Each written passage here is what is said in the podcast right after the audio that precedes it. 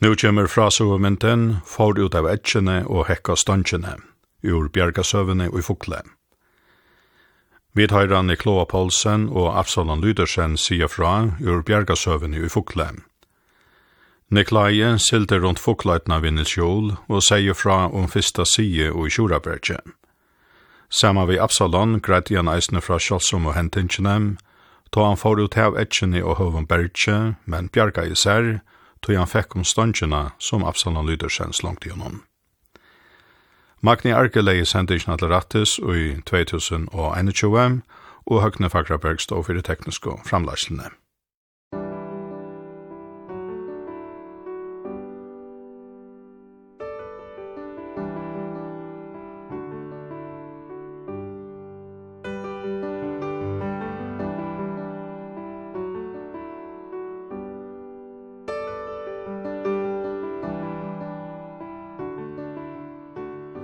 Søva snur seg ikke bare om brøgt og sorgarleikir, men eisen om daglige løyve til fölkjen.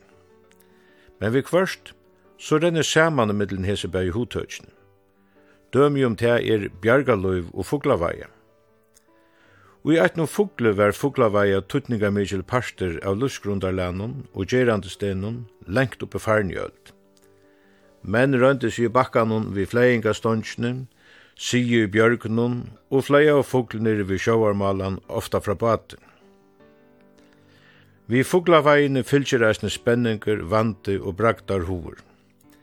Til ikkje kvarsmans føri at søtja bjørkene, suju oman av høvun sterrat om bergje, genga av smølun råkun, klintra i bergjenun, edla leida seg sess og brattlendi, itst vi tråmena, her lujgjintni er gåa flere fugl. Men annar fylgisveinrin tja fuglavegin og gerande stenun er ötten og sorgarsøvnar og menn, yngre som eldre, som er fallner i bjørgunun, imsastan i landnun, er fleir. Ta fekst ønsken forklaring fra dem fallne. Tar jinke eller saute så nær edgjene at her spurdist ikkje omnæka ta meir og for fyrir bakka. Favor løyset er bedre enn Christian Matras og i stutt i iskinsene som ljóvar så leis. Fadlen og ståndjen la etter. Og i heilt favun førun er menn komne bostur ur støvun her degin annars taktist viser, men sjoldan om negrantui hava vid hårt fra mannen som var sperter i slukare støvun. Hotetje cliffhanger er engst. I iverst ikkje ui at det fanns det først heiti ur bjergamale fyrir cliffhanger, men fann ikkje og i stegin vir vust til at her er pura vanligt hotak i bokmentun og filmsrøvun, og snur seg om at ridhøvundren leier lesaran eller hitjaran ut av edgina og i øylion spenningi, og så stekkar han av og leder okken henga av edgina til vi du nasta parste få greia lagnene tja tui som hekka tråmen. Ein av uimynd av hese støvene sutja vid du kultfilmen om Cliffhanger vi Sylvester Stallone, ta høvespersoneren heldig seg i ytste tråm og sveimar mittlen loiv og deg. Men oppspunna søvan ur Hollywood om Cliffhanger stender ikkje mat vi hendingsne ut i fugle en sommardag i 1904 og trus, da menn var farnere fleia lomvia og bakkanon vid Tjolkan og Norberg.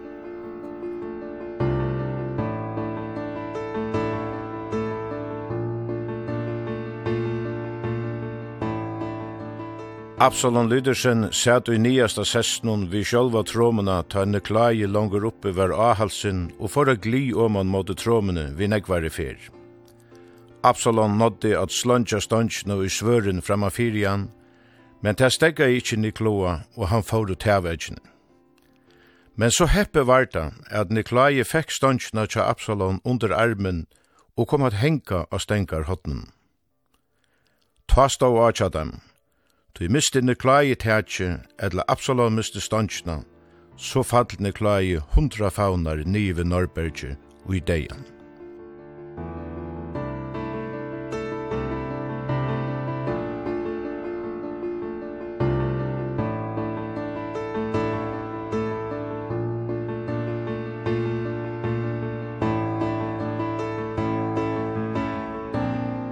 Det er rar hending at maver ber bo i boi som er færen ut av edgene, men det gjør den i klager, og meina løte skulle vi høyra tarboar greia fra dramatiska denon i fukle i 1904 Men la dere fyrst høyra meira om Nikloa Poulsen, og nega av tog han fortalte Nils Kjol om bjargaløyve og fukle ta der færa oss rundt fukløytena i 1904. Nikolai var atavra kyrkje og fødder 11. august 1926. Foreldrene Peter Paul Poulsen og Sunva Elisabeth Zagariasen var bæg av kyrkje. Han vaks opp ut i fugle og søkte bæg bjørg og skjegg fra ungon Aron. Han får til skips i nøkker år, og kom til mans sendte han tver om søkner, ein om å sleppa ved skolaskipen og eina om å sleppa av lærarskolen. Han fikk jottande svær på boar, og valde at elta slåuna til Abbanon Søymen Mikael Zakariasen som var lærar i Fuglen. Det var heppe, til naga sætne tjekk skolaskipet København Borster av fer ur Buenos Aires til Australia. Han får atter til kips nøkker år, da han var liver av lærare skola, men tog så vi vikarstørvun imsa stene til han fikk fast som lærare i Odnafyr. Her sett jeg en bygg og giftest vi Olove, døtter Hanus og Glastovne og Marie. De finge fem bød. Nikolai sleppte ongandi fugløytene og bjergaløvene. Han kjente jeg kalla kvann sess og kvarja råg og fugløytene.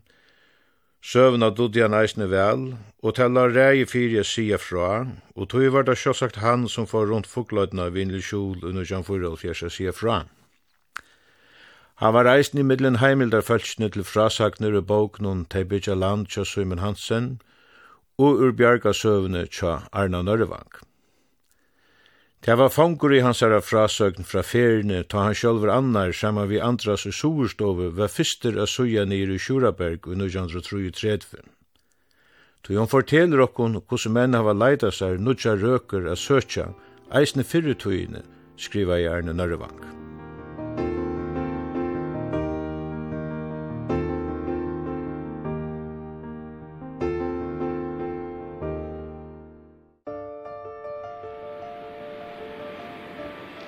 i to og andras Ja, vi får...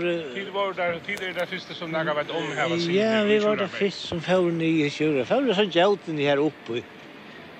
Og nye det her, så här råken her. Og, og råkna så alle vi tog det var gongt etter råken han da vi, en, en fjörd faun der. Men her helt. Så alle det suja herfra og nye, langt nye. nyr. Men her gjør det ikke. Så måtte vi tog fer holdt, holdt opp av det her. For jeg så jo nere i hese torvene. Det her kom det negge mann sitt og halta. Så kom vi bort, bort nere. Her måtte fer en, en 12-15 menn her nere. Jeg landet jeg fader nere her. Så høgt. Det må vel være en, en 30-40 faunar. 40 faunar nere her. Det er han kjivast, tror jeg. Det er fyrsta sige her, så finner vi da ikke en, en 300 egg. Vi hadde råknet vi, vi slapp jeg genka, men det gikk ikke. Men så får vi nye hess, men tatt vi gjøtene nye.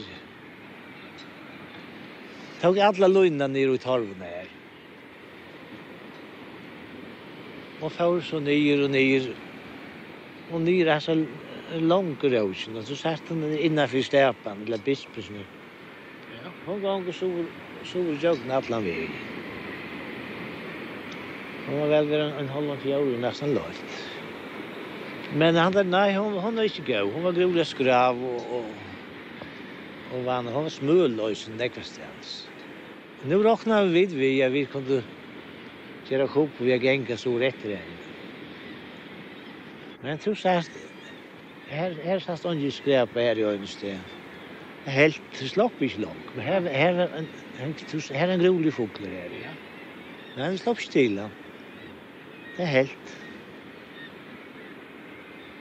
Så angen hever nægran til å kunne søkt? Her ser røkner i omgat søkt at han nægran var i dumme seg, ja. Omgat du. Og her viser ikke være en rikve fugl.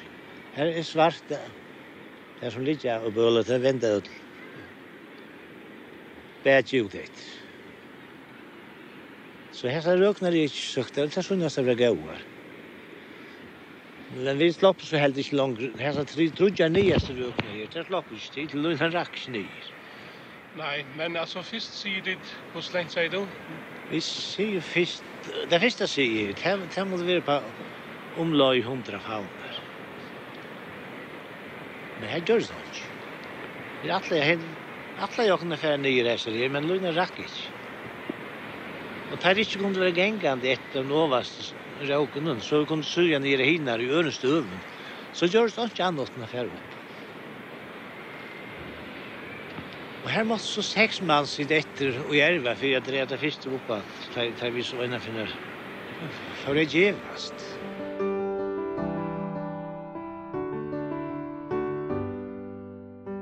Drygva ferien i Sjuraberg Jack Vell. Uta kvöldi kom i Andras og Nikolai uppatter, og ta var guttormer i innestovu bunden ui og gjørte tvei si. Ta han var oppkommen klokkan 5 av måttene for der 20 mennene under tingsta tætje. A flyta seg oppa slatt av nyare fløtte vi eggon, fugle, tovun og ærar i utgjør, så måtte dreiast oppatra rådsna. Ta tog dem en æra tjei tøymar, så samanlagt var det bjergaferien i Sjuraberge meire enn tret ved tøymar. Hetta var så einasta fyrtid vår. Hetta var einasta ferietid. Og einasta ferietid menn vit om man er ved i Sjuraberge. Det er einasta ferietid jeg var om å si det. Hast du det lunchen, ginger tås om affærer? Hetta, ja.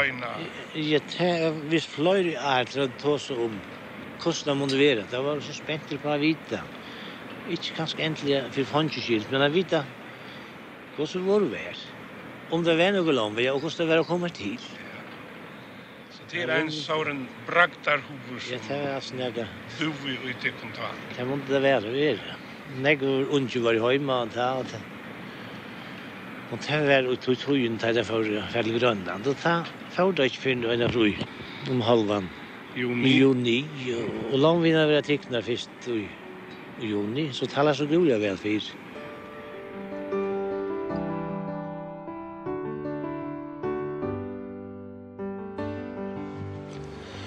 Hva hadde du nå vitt i kun til matten da du får til Bjerkar og da du får i heimatle?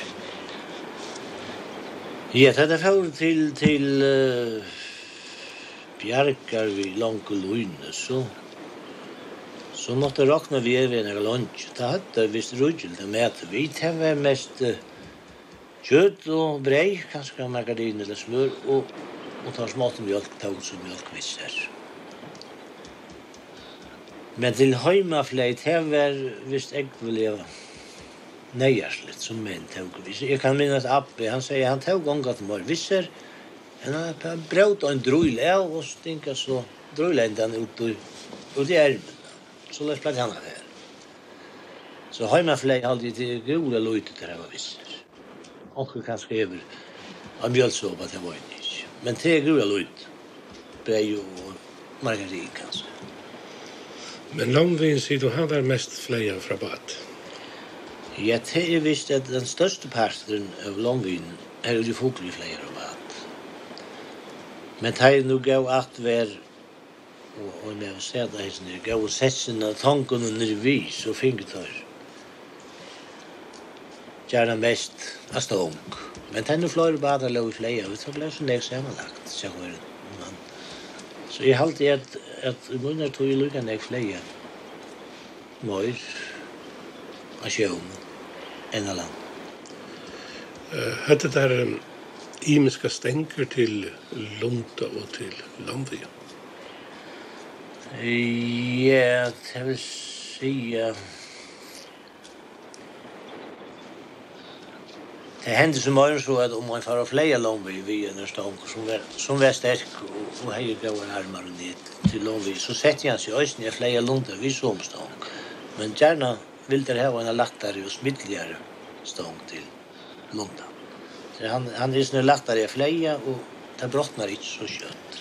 Långby är mer fyr, og han är mer tung, og tog vil der ofte heva helst sterkar til lommen.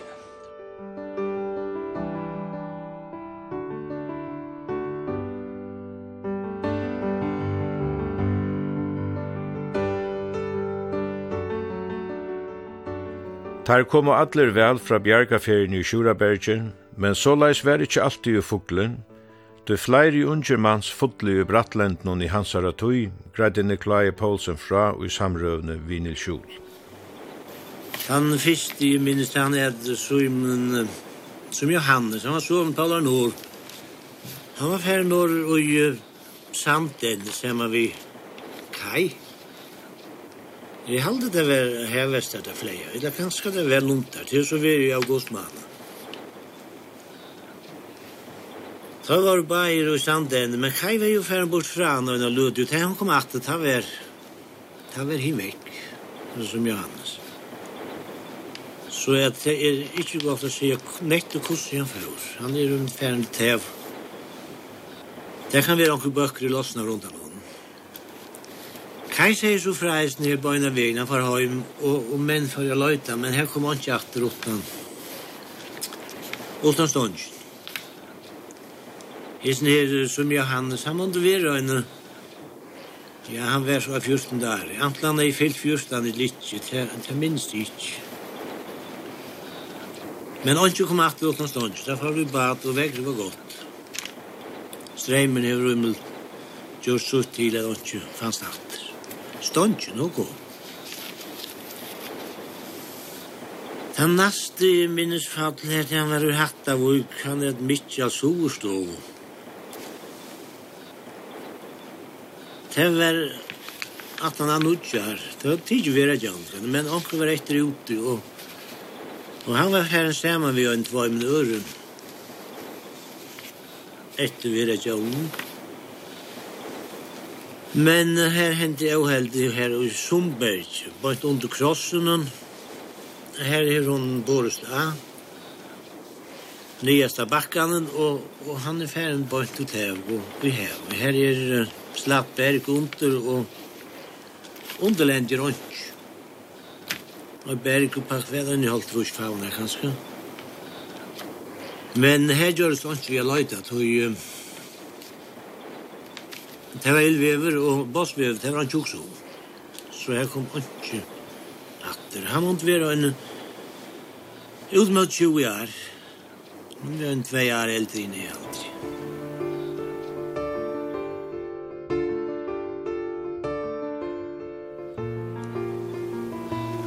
Så var en i hatta og kan han mykje av Peter. Han var ferdig ved en bodja så inn i heian. Det måtte være hevest unkar tar finnes vi oppgiver innom Stutsch, og her var han av halsen og, og får ut hev. Men han, han la så etter Alant. Han får ikke kjekven og heller ikke ned hellene. Men han var deg, han døg så i fallen av fjord, så han var born hjem som luk.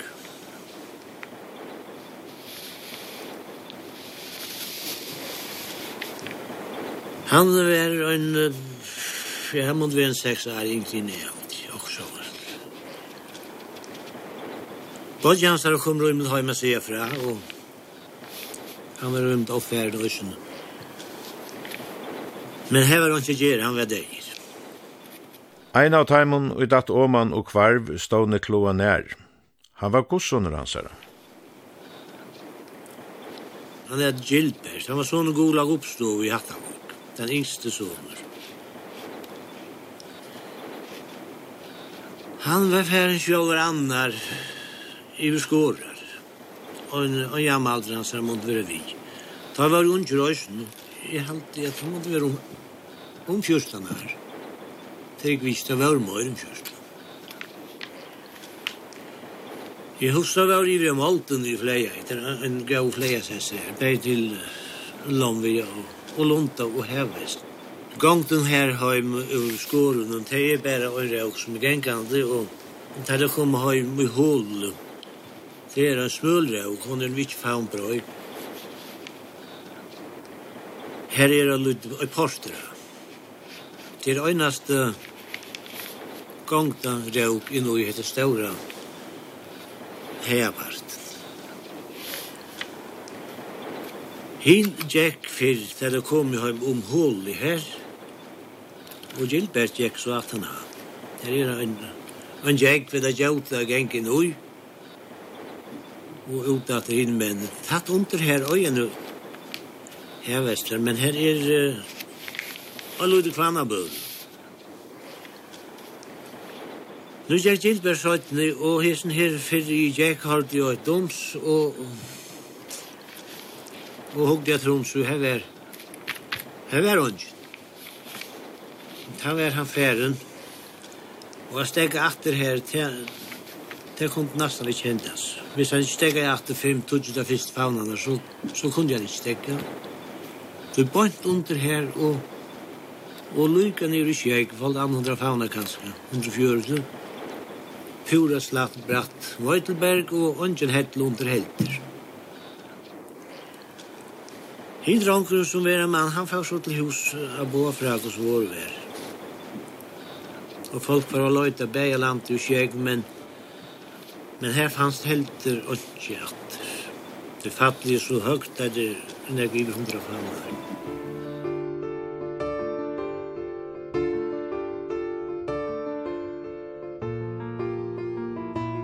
Sommar familjer var i herare raktar enn ærar. Kona Paular Nord satt heima og veva til konfirmationsklæger ta han fikk bøyen i om at soneren Søymen Johannes var dotten Åman i Sandenne, 14 år gammal i 1923. Nøgre av skjøpne stod døtter hennara Amalia fyrir tørn, ta hun fikk avfratt av bo om sonsøyn som eisne kallar Søymen enn så badgjennara. Det var av sumri i 1932 at 12 år gamle Søymen Lydersen var færen etter havhesten. Her nye for husen i kyrkje, helt norran fyrir, her og jeg negre heves, der og var farnir her, negre dronkjer, og hun var så Boris da, og han var færen, han var færen til Han datt så nye han hettel, men her var han ikke så negre særlig høgt, men det var negre høgt la faskeia, det var, ja, er under 15 fauna kanskje, og nye hettel, så han, uh, han var deir i fallen av fjort. Høtti hei tidsi, og han var så bor nøysen til hus som luk. Mamma var ved baden ta soneren datt åmann, og 15. desember 80 sonen som var døpter Absalon. Henne domte ikkje at han får i brattlenten, så han måtte snudja seg om han ville røyna seg vid fleiingastansjen. Det er begynt å tullja da. Da man gikk skolan, jeg meg fær, det var det mest hevest. Så det kom litt skuld vi det av, så stort man altså. Jeg er så nevnt å komme tilbake. Nei, nei, det var så, så bratt at det stes. Ja, nei, det er dumt om det Mamma er mest av drang på en fremman ontan, så det, det er dumt styrk.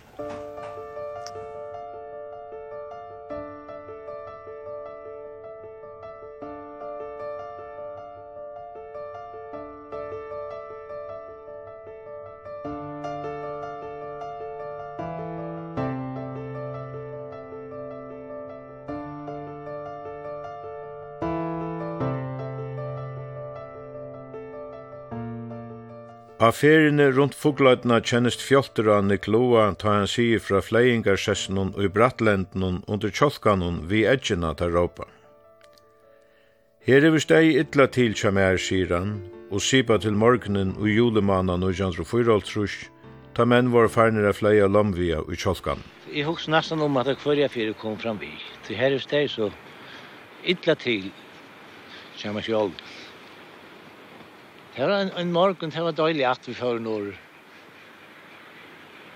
Vi visste så ikke jeg for nord. Da jeg kom nord, da var det trutje mannskomner.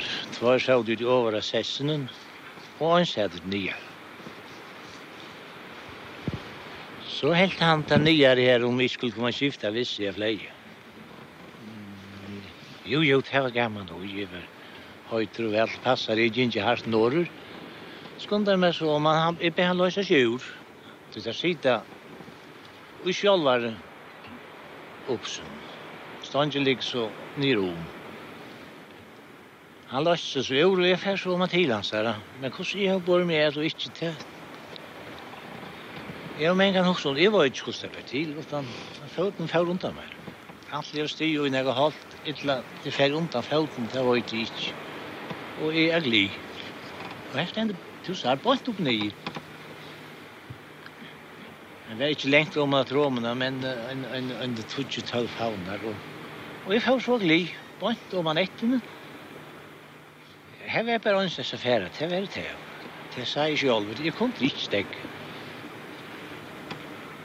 Alla nyaste tromene var en pikkaloidel, ja, det sa jeg jo som sier ras.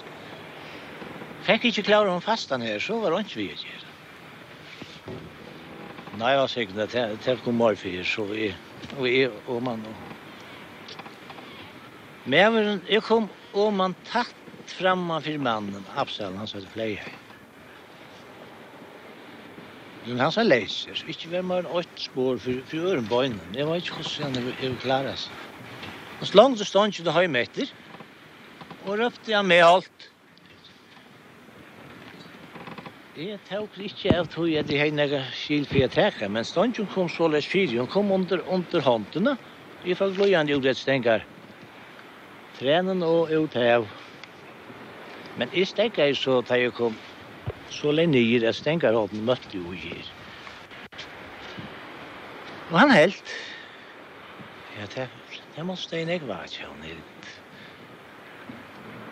Det han så leiser og, og vattlet være veksen. Det beste lusen de er her, ikke sol, men tomt og i veksen, og mjørken så lenge er at sjeklene skal suttjast. Så det er hadde, hadde plass minst det var øynast fire kom for bo her. Ja, her er høgt under. Høgt? Jeg kan at det være en, en at det er, er så under hundra faunar. Det er det. Og jeg har ikke engang kommet av nekrestes, ikke? Så det er alt loften under. Jeg kom lengt, lengt fra Bergen. Men nok til at at han er driv meg opp, nei, han orkar ikke driv meg, jeg måtte lese meg opp et stund. Da sett jeg meg fleia, det måtte bare være overhovet, det er alltid bestemt. Og jeg synte være fleia, og da vi tøtte fleia nær som først kursene byrde, så hilde vi der vi skulle fagne etter. Det gikk ytla tåre høymatter, og ønsken tar til norra at jeg var. Vi var så illa. Kjelka i røsner. Som til dømes da en sier der oppe, han sier vi med at han er langt tankt om hva han skulle sige da han sa i fortev. Så kjøtt kan. Jeg kan spille til at man kan huske så kjøtt. Då är det fått det jag ser ut.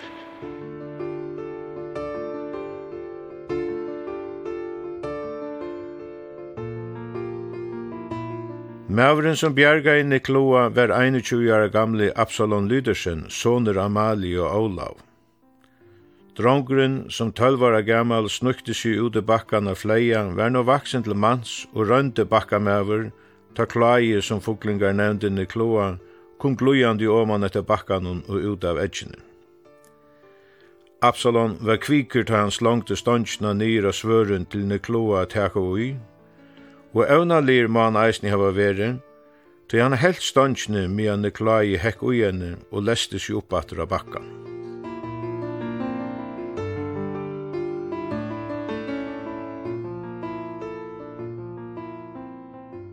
Det er så ofta sagt at søver fra verilja løyvnun kunne tidsast meiri og truligar enn uppspunna søver, og så vær vi hesi hendingsni i tjolkanun under Jan Fyraltrus. Og kanska var onkur særlig måttur eisni upp á spjall hendan sommardegin i 1944, ta Niklai fortelle Nils Kjol om tea som var honom og Absalom 4, 20 år framan undan. Du mean der litje under Norberge og teg opp samrøvna kjemmer et seksmannafær og utråri oppa prai.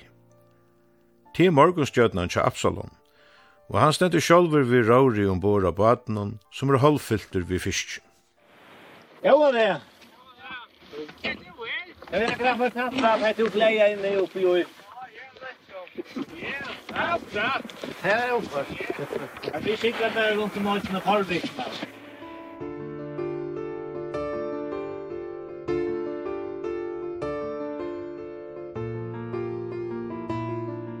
Nilsjul var sjálfsagt sjåter og bei Absalon ombord av dekksbaten, så der saman kunde skifta år om sjálfsom og hendingsna av edgjene 20 år framan undan. Ja, Salam, det var nu nok så pusset at du skulle komme stimande her eh, i måte okkur. Akkurat nu tar vi Nikolai i Hevesteg fortalt okkur eh, fra det som denon i kjalkan og tar tid bare hittest ytsta tråmen. Ja, det var en så, det var nok som verst. Ja, hvordan sast du fire ta og han nu kommer om man nettene. Jeg ser at han kjærlig er veldig fyrt, og jeg, jeg er akkurat løst, jeg sitter bunten, og jeg er akkurat løst mye ur. Da jeg løst mye ur, ta så ikke han kommer om nettene. Vi ikke så fast ånden av bunten med utrom, så han kom til fag.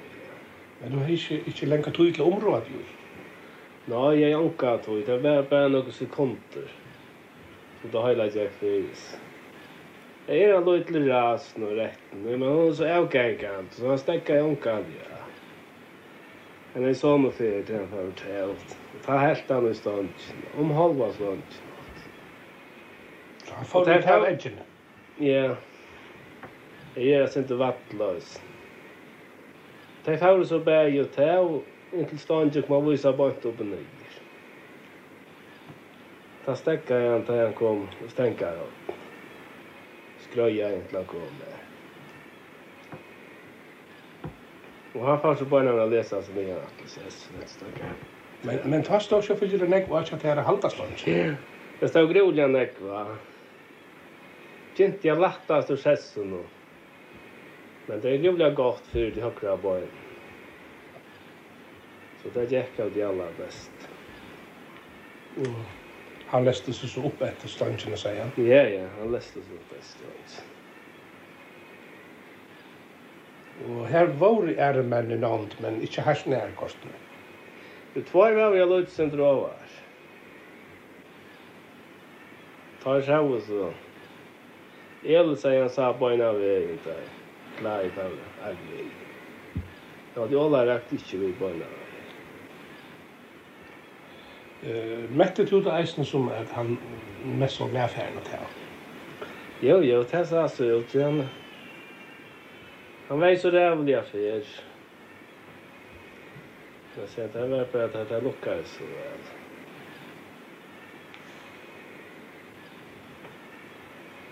Jeg har alltid vært mest til han skulle halte. Jeg rønte nå, jeg er glad om etter at jeg har fært det vi fingrene og i græset, men det stod så bare oppe nye. Jeg tar bare, tar bolten av vetra. Så her var det ikke vi i Jeg råkner kanskje vi at jeg får å stegge synder og en faen fra tråmen, at det er som under rasen, men men her ble bare morfyr. Her må vi være en til i det er klart. Jeg kan ikke si at jeg, jeg har mist uh, forstand eller vite. Men jeg hadde ikke vært helt lærer til jeg vet det. Så jeg, jeg har ikke avstand og rødt i holdt. Men jeg har så ikke helt gjort den til at stand jo kom så vel inn under armen og nå stekker jeg stenger holdt på. Men det var det jeg sett da jeg stekker. Jeg forstand ikke at, at han er helt. Men det hefur eisen vært fast hildi tja tær om stansin. Ja, jeg synes ikke fast, men stengar hotni er så, det kommer, det er mot som en paler. Men det var også så holdt å lese seg opp etter en vaden stengar tær. Og jeg, jeg var så overrasen, jeg sette meg jeg på en av vi, men jeg kan ikke minnes om jeg, om jeg bant jo litt. Men det tar som seg der oppe, tar seg over rundt hvordan vår vær. Men før vi var først når av det med flere, det var vi ikke. Før vi var først når av det? Jeg var først når. Jeg var veldig fylltest. Jeg fikk en natt da vi kom, når han gjennom hus. Så først tog vi den over assessen? Nei, han var den over assess. Jeg var den nye. Og Olav, han kom ikke ur 17? Han kom ikke ur 17. Så kom stå. Jeg har nekva flere, men ånden tar noe for sist. Nei. Ikke enda det? Nej. Nej, nej. Får du kjøtt til huset enda det? Nei, han flere enn tøyma sånn, ha? Ja, uten møt. Uten møt enn tøyma, men så skulle vi få en... En bita. En bita etta, og vanlig var jeg gengå hjem fra sessen. Ånden tar noe. Eller ånden er hovedferden noe. Men vi måtte noe etter vi måtte jag London, men då låg vi. Men vi tog to av, da var vi försiktiga. Nei, da vi kom i heim, da var det alle bilsene, vi var kommet heim av halvun deg og beste hatt. Det var også en løy. Jeg tror ikke nega seg nega særlig. Jeg vil ikke fortelje seg hendelsen av pinna. Det var tæt ikke så nekver deg, at jeg ikke virkelig til Afrika vidt.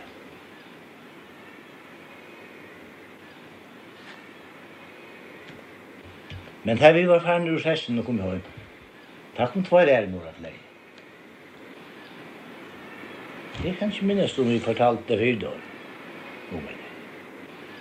Jeg var nå og gjort kom bare i år. Nei, jeg minns det som snakka der. Ja, det ikke vi der. Ja, snakka løyte, vet du. Ja, det ikke. Så det kunne være en øvedens det. Nes nye jeg var. Han måtte så fær for ønske at jeg får bli hos. Han dacht om det var sant det. Minns jeg til. Jo. Han har sagt byrna fraser. Ja. Jeg skulle få omtrakt at jeg får og... Som jeg har hørt den og tog i han. Ja. Han måtte ikke slapp leser, ja.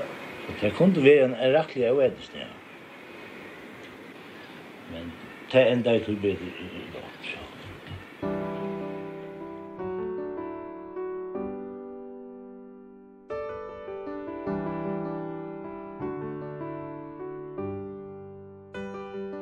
Nikolai var ugen stovel til Norge Fodmennefella og er skiftet formøver her.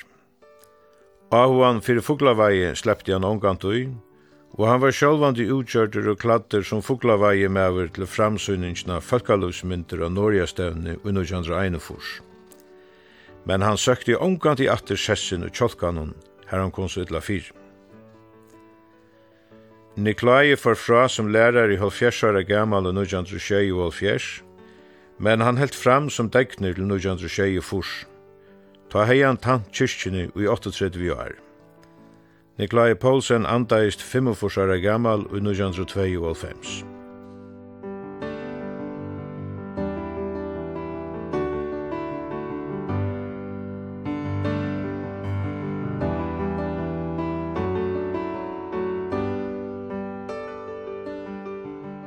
Absalon Lydersen får ut av sikla og verlig fyrsteskap vui om.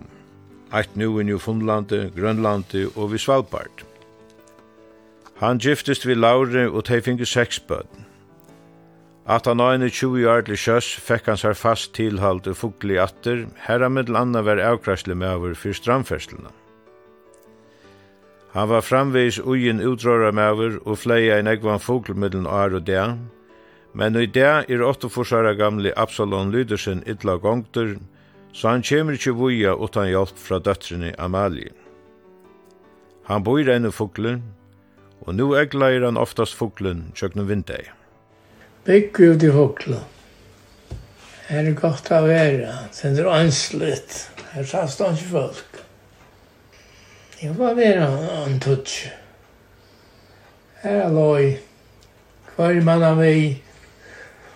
Mån er kvart, og menn er kvart. Det er ikke vel til. Nei, jeg var på klart for at det ikke ut. Hesen dævren og tjolkanon og juli 1904 og trus, sider enn rimmar faster og i minnen hun til Absalom. Tar våre kjelkair, men i fyrstane tåsa av der som hendingsna. Men jeg var tullia, og en annan var færen på en framan onta. Vi skiftet sånn stank, men jeg er så klæna stank, så fikk jeg en svære, svære stank fra honom. Ja, så det kommer vel att. Det skal jeg kan så så lossna til. Og han kom mitt av stancherna og han la tvärst rom, Så han er ikke helt. Så han gläs och lycka. För att lycka stänka råten, Så kan stäcka jeg.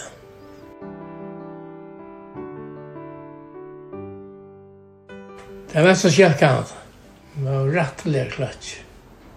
Det ble ikke snakk om det. Nei, jeg fortalte ikke for Tøymen helter. Fortalte ikke for Pavasen helter. Det var en sånn sjokk. Det var bare at man kom... han kom livet alltid etter, ja.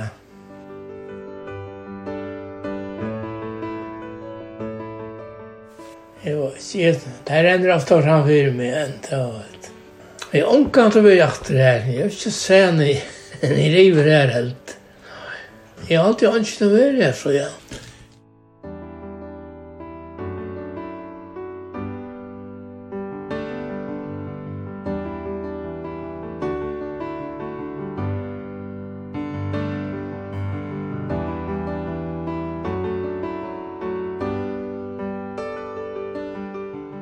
Vi har hørt fra søvmyndene for å ta av etjene og hekka støntjene ur bjergasøven i Foklem, som Magni Arke leie til rattes. Høgne Fakraberg stod fyrir tekniske framleislene. Sentingen bygde mittel anna og brått ur samrøve, og i Nils Jol Arke heie vi Niklaua Poulsen i 1904 ta der silte rundt fokløytene.